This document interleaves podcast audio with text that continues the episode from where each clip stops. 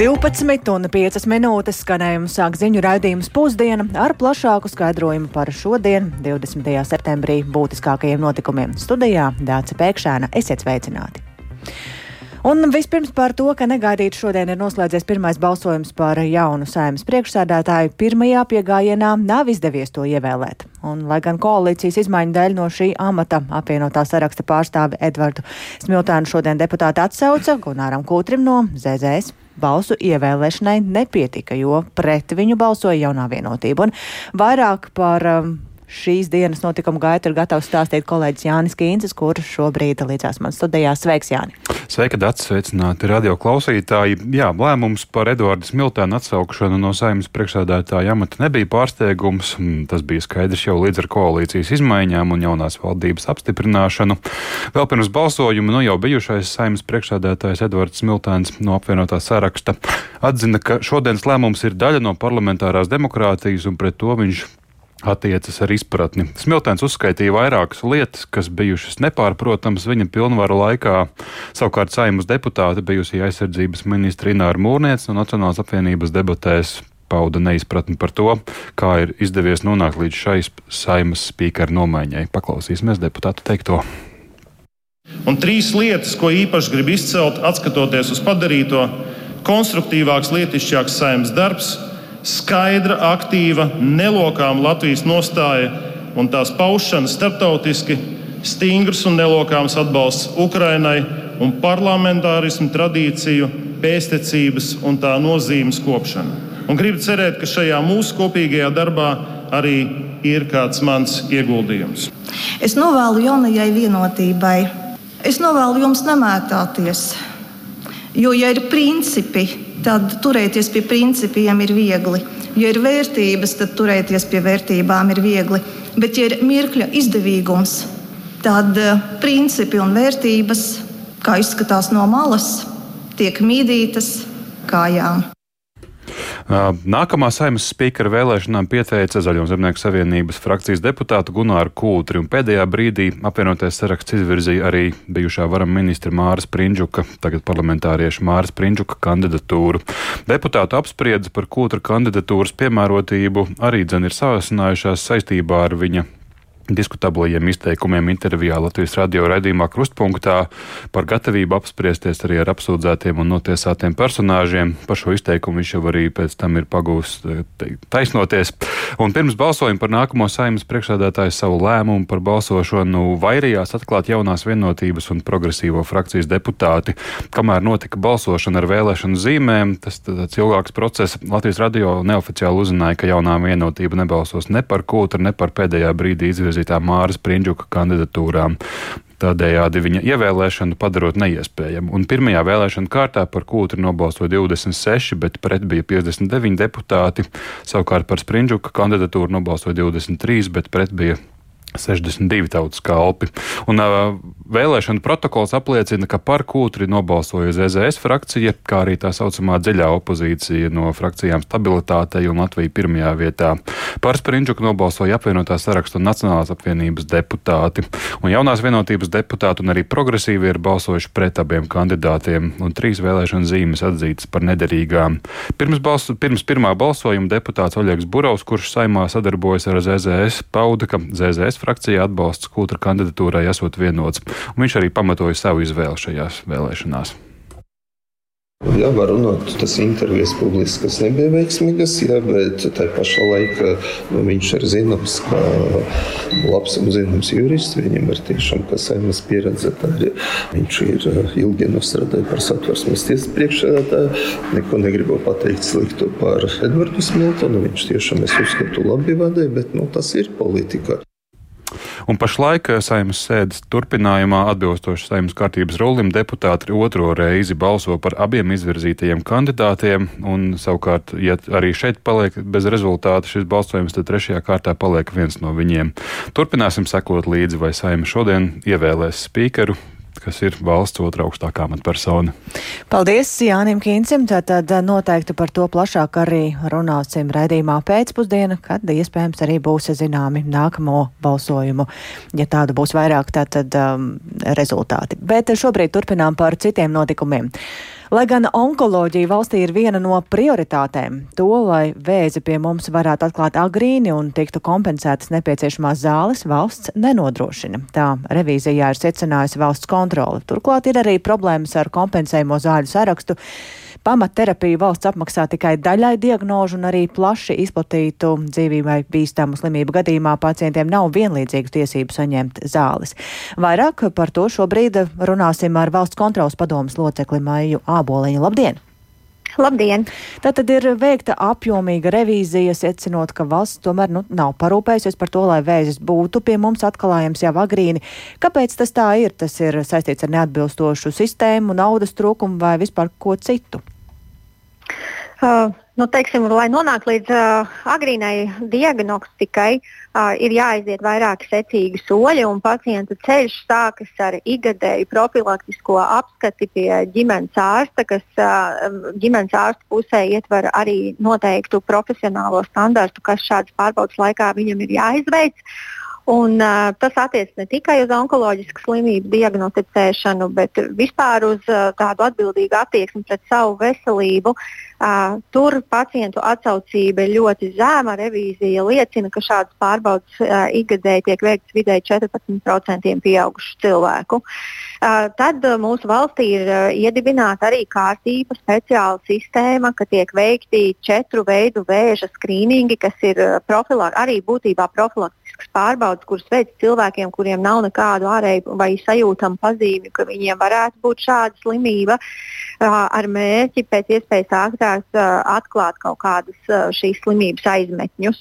Un arī šeit problēma ir pacientu atsaucība ļoti, ļoti zema, no 2% prostatas vēža gadījumā augstāki rādītāji, tie labākie rādītāji zemes kakla vēža gadījumā ap 40%, bet tas būtiski atpaliek no vispār tādiem uh, labās prakses standartiem, kādai jābūt pacientu atsaucībai, un Eiropa jau runā, ka līdz 23, 20, 2030. gadam ir jānodrošina nodrošina 90% atsaucība, bet nu, tāds labs rādītājs jau būtu 70% zemes kakla un krūts vēža gadījumā un 35% prostatas un zarnu vēža gadījumā.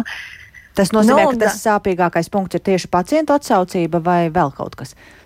Jā, protams, tā, pacientam šīs iespējas valsts nodrošina, bet pacients šīs iespējas uh, uh, neizmanto. Uh, Un, attiecīgi, lai nodrošinātu, ka šī sistēma mums valstī darbojās efektīvi un cilvēku šīm pārbaudēm iet, ir jāstrādā veselības aprūpes sistēmai ar daudz lielāku slodzi attiecībā uz pacientu motivēšanu, un iesaisti un izglītošanu, kas dos uh, atdevi ilgtermiņā.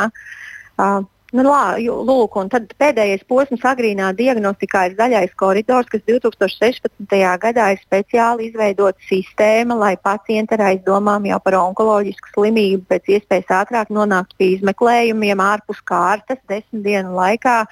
Un tā kopējā sistēma ir tāda, ka vizīte pie ģimenes ārsta izmeklējums, atkārtot vizīti pie ģimenes ārsta izmeklējums, un tad nonāk līdz diagnozē. Kopumā cilvēkam no aizdomām līdz diagnozē ir jānonāk 65 dienu laikā. Bet Latvijā, diemžēl, ir 195 dienas pēc datiem. Līdz ar to trīsreiz ilgāku laiku pie mums tas prasa, un arī tur iemesli ir dažādi, kādus pacientus sūta caur zaļo koridoru kāda ir pakalpojumu pieejamība un tā tālāk. Katrā ziņā šis rādītājs pēc zaļā koridora ieviešanas nekādā veidā nesasniedz mērķi un arī agrīni diagnosticē vēzi ap 40% pacientu, kuriem ir tātad onkoloģiskas saslimšanas, tas tiem ir agrīna stadija. Tas nozīmē, ka zaļais koridors reāli ir tikai uz papīra, un šobrīd tā ir Jā. arī tā lieta, kas ir jāuzlabo.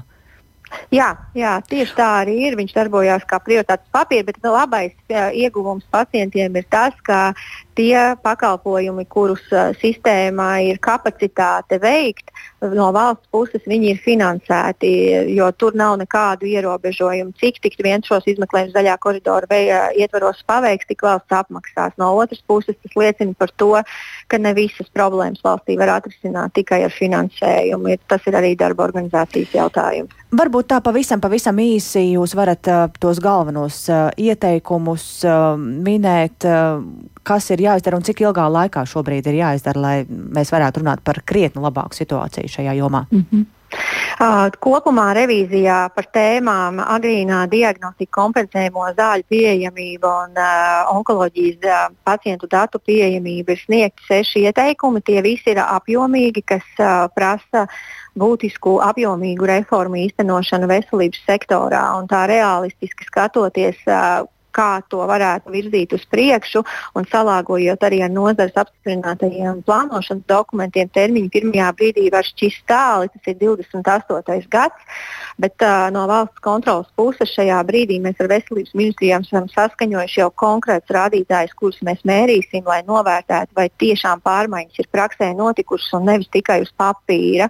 Un, uh, nu, piemēram, tur ir jābūt tam, ka pacients līdz diagnozei nonāk 65 dienās dienās, ka atsaucību skrīningos, profilaktiskajās pārbaudēs uh, palielinās par noteiktu procentu skaitu, ka zāļu uh, pieejamība pie diagnozēm aizvien vairāk atbilst starptautiskiem standartiem. Uh, tā ka tās visas ir apjomīgas reformas, bet mēs sadarbosimies ar Veselības ministriju arī šo piecu gadu laikā, un gan jau kā arī regulāri nepieciešamības gadījumā informēsim sabiedrību par progresu šajos jautājumos. Paldies par komentāru valsts kontrolas padomas loceklē Mājai Āboliņai, un, kā zināms, tad onkoloģijā jau īpaši ir laiks būtisks un tādēļ cerēsim, ka uzlabojumi tiemā, tiešām sekos. Mēs turpinām pusdienas ziņu programmu. Pasaulē ir jāpienojas, lai izbeigtu Krievijas agresiju pret Ukrainu. Tā savā uzrunā ANO ģenerālajā asamblējā ir norādījis Ukrainas prezidents Volodimirs Zelenskis. Zelenskim šī ir pirmā vizītā no galvenajā mītnē Ņujorkā kopš Krievijas atkārtotā iebrukuma Ukrainā uz Ņujorku prezidents ir devies ar mērķi pārliecināt skeptiskās valstis nostāties Ukrainas pusē, un plašāk par to stāsta Rihards Plūme. His Excellency Vladimir Zelensky, President of Ukraine, and invite him to address the Assembly. Ukrainas prezidents Valdemirs Zelenskis savā runā ANO ģenerālajā asamblējā pievērsa lielu uzmanību briesmām, ko Krievija rada pasaulē. Zelenskis brīdināja, ka ļaunumam nevar uzticēties, aicinot pasauli apvienoties, lai izbēgtu Krievijas agresiju pret Ukrainu. Viņš apgalvoja, ka citas kopīgās problēmas, piemēram, klimata pārmaiņas, būs iespējams pienācīgi risināt tikai pēc tam, kad būs tikts galā ar Maskavu. Ukrainas prezidents arī uzsvēra, ka jānovērš iespēja ar kodolieročiem ieročiem apbruņotajai Maskavai virzīt pasauli uz pēdējo karu. Ukraine gave up its third largest nuclear arsenal. Ukraina atteicās no sava trešā lielākā kodola arsenāla. Pēc tam pasaule nolēma, ka Krievijai jākļūst par šādas varas glabātāju. Vēsture rāda, ka 90. gados kodola atbruņošanos visvairāk bija pelnījusi Krievija. Un Krievija to ir pelnījusi arī tagad. Teroristiem nav tiesību turēt kodolieročus. Kamēr kodolieroči izmantoti netiek, apgriezienus uzņem masu iznīcināšana.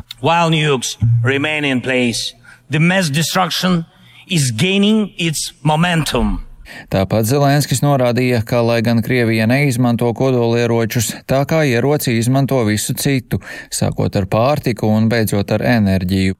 Zelenskis uzrunā sacīja, ka Krievijas veiktās Ukrāņu bērnu deportācijas ir genocīds. Ņujorkā atrodas arī Zelenska sieva Olena, kura arī mudinājusi pasaules līderus palīdzēt atgriezt deportētos Ukrāņu bērnus. Publiskā retorika, uzrunājot vairāk nekā 140 valstu pārstāvjus, protams, ir spēcīgs rīks. Tomēr galvenie centieni gan pārliecināt skeptiskās valstis par atbalstu Kijevai, gan jau esošos sabiedrotos par plašāku atbalstu notiek laikā, kad līderi tiekas divpusēji. Zelenskim jau bijušas tikšanās, piemēram, ar Kenijas, Dienvidāfrikas un Izrēlas līderiem, un arī ar ANO ģenerālsekretāru Antoniju Guterrešu un Eiropadomes prezidentu Šarlu Mišelu. Šodien viņam plānota tikšanās ar Vācijas kancleru Olafu Šolcu. Zelenskis un Šolts varētu apspriest Ukrainas lūgumu piegādāt piegādātai raķetes Taurus. Šolts līdz šim bijis atturīgs pret šādu ideju. Šodien gaidāma arī ANO drošības padomes sēde, kurā tiks apspriests karš Ukrainā. Izskanējis, ka Zelenskis šajā sēdē varētu pirmo reizi kopš Krievijas atkārtotā iebrukuma Ukrainā tikties ar Krievijas ārlietu ministru Sergeju Lavrovu. Ja tas tiešām notiks, šī būs augstākā līmeņa Krievijas un Ukrainas amatpersonu tikšanās aci pret aci kopš Krievijas plaša mēroga iebrukuma. Rihards Plūme, Latvijas radio. Tas par Ukrainu, taču Ņujorkā noteikti apspriež arī notiekošo Kalnu Karabahā. Azerbaidžāna jau otro dienu turpina savas militārās operācijas Kalnu Karabaha reģionā. Azerbaidžānas aizsardzības ministrija raksturojuši šo militāro kampaņu kā pretterorismu operāciju, kas turpināšoties līdz armēņu karaspēka izvešanai no Kalnu Karabahas. Un vakar Azerbaidžānas veiktajos triecienos ir nogalināti vismaz 27 cilvēki, ievainoti vairāk nekā 200. Tā ir paziņojusi Kalnu Karabahas vietējā administrācija. Azerbaidžānas un Armēnijas strīds par šo reģionu aizsākās pēc Padomu Savienības sabrukuma un pie telefona klausos šobrīd ir Latvijas transatlantiskās organizācijas ģenerālsekretāre Sigita Struberga. Labdien! Labdien! Un jums es vispirms vēros, vēlos vaicāt, nu, esam pieraduši, ka Kalnu Karabaha ir tas karstais punkts, bet cik gaidīti vai negaidīti ir tas, ka konflikts atkal sāsinās tieši šobrīd? Nu, faktiski, eh, ja mēs paraugamies uz tām dinamikām, kas ir notikušas uh, iepriekšējos mēnešus, protams, tika daudz strādāts, uh, lai uh, šis nu, tāda eskalācija nenotiktu. No otras puses, protams, bija arī pazīmes, ka tas varētu uh, tomēr uh, arī gadīties gadījumā, ja uh, sarunas, kuras mēģināja veicināt gan Eiropas Savienība, gan uh, ASV, gan citi aktori, uh, tomēr starp Armēniju un Azerbaidžānu nevedīsies. Nu, acīm redzot, ka uh, m, tas rezultāts nav uh, bijis veiksmīgs sarunām. Vienlaikus ir jāsaka, ka um, domājot par to sagaidāmību, ja, ņemot vērā Krievijas fokusu, uh, ma, nu, tādu uh, pamata fokusu uz Ukrainu, ja, uh, faktiski daudz eksperti prognozēja, ka Azerbaidžāna varētu izmantot šo situāciju. Un tāpat arī, protams, Armēnijas un Krievijas uh, nesaskaņas, uh, kas šobrīd pastāv, arī tas bija vēl viens faktors, kas, uh, kas, kas tātad vedināja domāt, ka Baku varētu izmantot šo situāciju. Jā, es tieši gribēju vaicāt, cik liela loma šobrīd ir vispār Krievijai un tās īstenotajiem uzbrukumam Ukrainā. Kā jūs to saredzat? Um? Nu, jā, kā jau es teicu, pirmkārt, Armēnija vairāk kārt bija aicinājusi Krieviju um, nu, tā, tā, tā, turpināt pievērst uzmanību uh, reģionam, uh, vainojot Krieviju nepietiekamā um, uzmanībā. Tāpat arī Armēnija faktiski um, atsauca savu pārstāvi no kolektīvās drošības līguma organizācijas, kuras uh, nu, vadošā valsts ir Krievija. Ja? Līdz ar to mēs redzējām nu, tādu, uh, tiešām attiecību pasliktināšanos, un tam noteikti ir nozīmīga loma. Atcerēsimies, ka uh, faktiski nu, tāda nosacīta pamiera uh, uzturēšanā tomēr Krievijai, uh, Krievija bija viens no nozīmīgākajiem spēlētājiem ar, krie, ar uh, Krievu novērotājiem uh, reģionā un tā tālāk. Par ko starp citu Azerbaidžāna savukārt jau ilgstoši gatavoja gan savu sabiedrību, gan pārējos, runājot par to, ka nu, drīz uh, Krievu novērotāji būtu jāizved no uh, reģiona. Uh, plus vēl ir jāsaka, ka uh, pa, paši, pa, paši armēņi uh, nu, teiksim, uh, ir veidojuši jaunas attiecības, tā skaitā ar ASV, un, un, un run, aktīvi iesaistījušies sarunās ar ASV par reģionu. Tāpat ir veicinājuši šo, šo militāro kopējo mācību ideju. Līdz ar to, protams, tas arī kaitināja Krieviju. Rezultātā tas, ko mēs ieraudzījām, ka faktiski um, viena no versijām ir tāda, ka Baku bija uh, brīdinājusi Krieviju, ka būs, uh, būs šādas rīcības šajās dienās, bet um, savukārt Krievija armēņus nebija brīdinājusi. Bet, nu, tā ir tāda spekulācija. Ja? Savukārt mm. tas, ko mēs redzam no Krievijas amatpersonu izteikumiem, ja? ka, nu, piemēram, Medvedevs ir izteicies, ka uh, principā Nu, ka, ka nu, lūk, arī rezultāts uh, valstī, kas ir flirtējusi ar NATO, nu, tad uh, uzminiet, kāds, uh, kā, kā, kas tad gaida šo valsti. Ja? Nu, tātad mēs redzam nu, tādus uh, skaidrus uh, izteikumus par Krievijas pozīciju. Bet tas nozīmē par nākotnes situāciju runājot, nu, kas varētu būt turpmākie soļi, kāda varētu sekot? Mm. Nu, šeit ir grūti prognozēt, vai tomēr izdosies uh, Pašjanam uh, vienoties ar Paku, jo faktiski Pašjans uh, pēdējā laikā mm, Armēnijas premjerministrs ir uh, nu, gan daudz nācis pretī. Tā skaitā nu, teiksim, da, da, dažu ekspertu interpretācijā pat atzīstot uh, Karabaha um, teritoriju pievienošanu Azerbaidžānai vai arī būšanu Azerbaidžānā. Ja, um, ja viņš būs gatavs iet tālāk šajā, uh, tad iespējams tiks panākts kāds pamieris. Tā pašā laikā ir jāsaka, ka uh, nu, protams, ka uh, armēņi ir izteikuši arī uh, zināmas bailes par uh, iespējamu e, etnisko tīrīšanu, kas varētu notikt. Bet uh, te mums ir jāskatās, uh, manuprāt, uh, ļo, ļoti uzmanīgi un ļoti mhm. uzmanīgi jāvērtē abu pušu izteikumi, kas uh, tuvākajā laikā sekos. Uh, lai varētu objektīvi novērtēt to situāciju, kas tad īsti notiek tur. Paldies, paldies par sarunu Latvijas transatlantiskās organizācijas ģenerālsekretārai Sigitai Strubergai un tikko arī esam saņēmuši ziņu, ka armēņu separātisti Kalnu Karabahā šodien ir paziņojuši, ka noliek ieročus. Bet raidījumu turpinājumā atgriežamies Latvijā un runājam par iepriekš paveiktā ietekmi uz šodienu. Aprita 20 gadu kopš referenduma par mūsu valsts iestāšanos Eiropas Savienībā. Toreiz par iestāšanos Eiropas Savienībā nobalsoja 67% no visiem, kas piedalījās. Nav zināms, cik šodien balsotu pār, bet Latvijas radio Rīgas ielās uzrunātie iedzīvotāji teju vienbalsīgi būtu šādi balsojuši arī šodien. Uzklausīja viedokļus Paula Devica. Ja šodien būtu jābalso, par ko jūs balsot? Nu, par to pašu, par iestāšanu Eiropas Savienībā. Un kāpēc? Ir iespējas projekti jauniešiem, studentiem braukt, mācīties, cik daudz Erasmus programmas. Latvija nesaņem pietiekami daudz atbalstu no lielākām Eiropas Savienības valstīm, kas ir viens mīnus. Taču es nedomāju, ka tas ir iemesls, kāpēc mums nevajadzētu iestāties. Vai. Kā jūs balsoties šodien? Esmu, neesmu balsojis, man nepilsnība pasa. Bet ja jums būtu jābalso, jūs balsot par vai pret? Jā, nu, jā. protams, jā. Tāpēc, ka bez būs sliktāk nekā nekā tagad. Vai jūs balsot par iestāšanos vai pret? Pret. Tāpēc, ka pret ir dažādas sankcijas un nolikumi, kā brīva valsts mēs nevaram paši realizēt. Mums ir kaut kādi noteikumi, pēc kuriem mums ir jādzīvo. No otras puses, mums ir tā kā aizsardzība no Eiropas Savienības puses. Bet tāpat balsot pret. Nu, būtu jāizvērtē, jāieslēdz tā kritiskā domāšana, jāizvērtē visi plusi un visi pret. Stratēģiski arī tajā brīdī tas bija ļoti svarīgi Latvijai iestāties Eiropas Savienībā un uh, nonākt šajā pasaules zonā. Kas varbūt ir tas, ko jūs vēl gribētu, varbūt vairāk no? Kā par Eiropas Savienības algas. Nē, nē, nē, nu, nu, gribētos vairāk redzēt tādas uh, tiesības, vairāk cilvēkiem, uh, spēcīgāku, efektīvāku likumdošanu. Jā, bet nu, līdz tam ir jātiek. Es domāju, ka ceļš ir pareizais. Vienkārši cerams, ka izdosies nedaudz ātrāk noķert mm, arī to kopējo līmeni.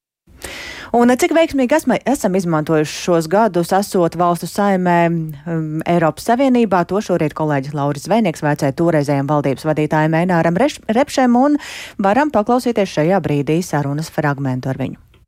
Eiropas Savienība manās acīs toreiz un tagad pirmām un galvenām kārtām tomēr bija Latvijas drošības jautājums. Ja Latvija atrastos kaut kur Eiropas vidienē, iekļauta no citām Eiropas valstīm, kā Šveice, piemēram, tad es arī varbūt domātu par to, ka mums labāks modelis ir būt neatkarīgiem un pilnīgi attīstīt patstāvīgi sevi. Ja? Bet nu, tā nav. Mēs esam Eiropas austrumu robežā faktiski tāda priekšpostenis. Es nezinu, vai mūsu iestāšanās NATO būtu bijusi tik viegli, ja mēs nebūtu bijuši jau Eiropas Savienības dalībvalsts, jā, vai tas zināmā mērā nebija pakete par to, kādā ģimenē mēs gribam turpmāk dzīvot, ja kādā valsts ģimenē. Līdz ar to tie jautājumi ir diezgan miglātīti, ja, bet pilnīgi skaidrs, ka tas būtu būtiski pazeminājis mūsu drošību. Jūs sacījāt, ka mēs neesam izmantojuši visas iespējas, ko dod Eiropas Savienība, un tā nav Eiropas Savienības vaina, ka vaina ir citur. Kur? Es negribu nevienu vainot. Um, tad jau man vispirmām kārtām arī būtu jāsāk pašam ar sevi, ja, ka mēs neesam izdarījuši ļoti daudz, ko mēs šobrīd neatbalstam mūsu uzņēmēju darbību, mūsu tautsēmniecību. Ja. Tad pēdējie uh, brīnumi ar sadalījuma tīklu tarifiem ir tikai viens mazs piemērs, ja, kur mums vajadzētu iet tieši pretējā virzienā. Mums vajadzētu strateģiski nodrošināt, ka, piemēram, elektroenerģija Latvijā ir lēta un prognozējama ja, jo tā ir pamats gan sadzīvei, gan uzņēmēji darbībai. Tad ir lietas, ko mēs neesam izdarījuši, bet tur nevar vainot Eiropas Savienību. Ja, tur mums jāvaino pašiem sevi, jo, ja Eiropas Savienība būtu pie kādas vainas, nu, tad, tad Igaunija un, un Lietuva arī šobrīd stagnētu. Ja. Bet,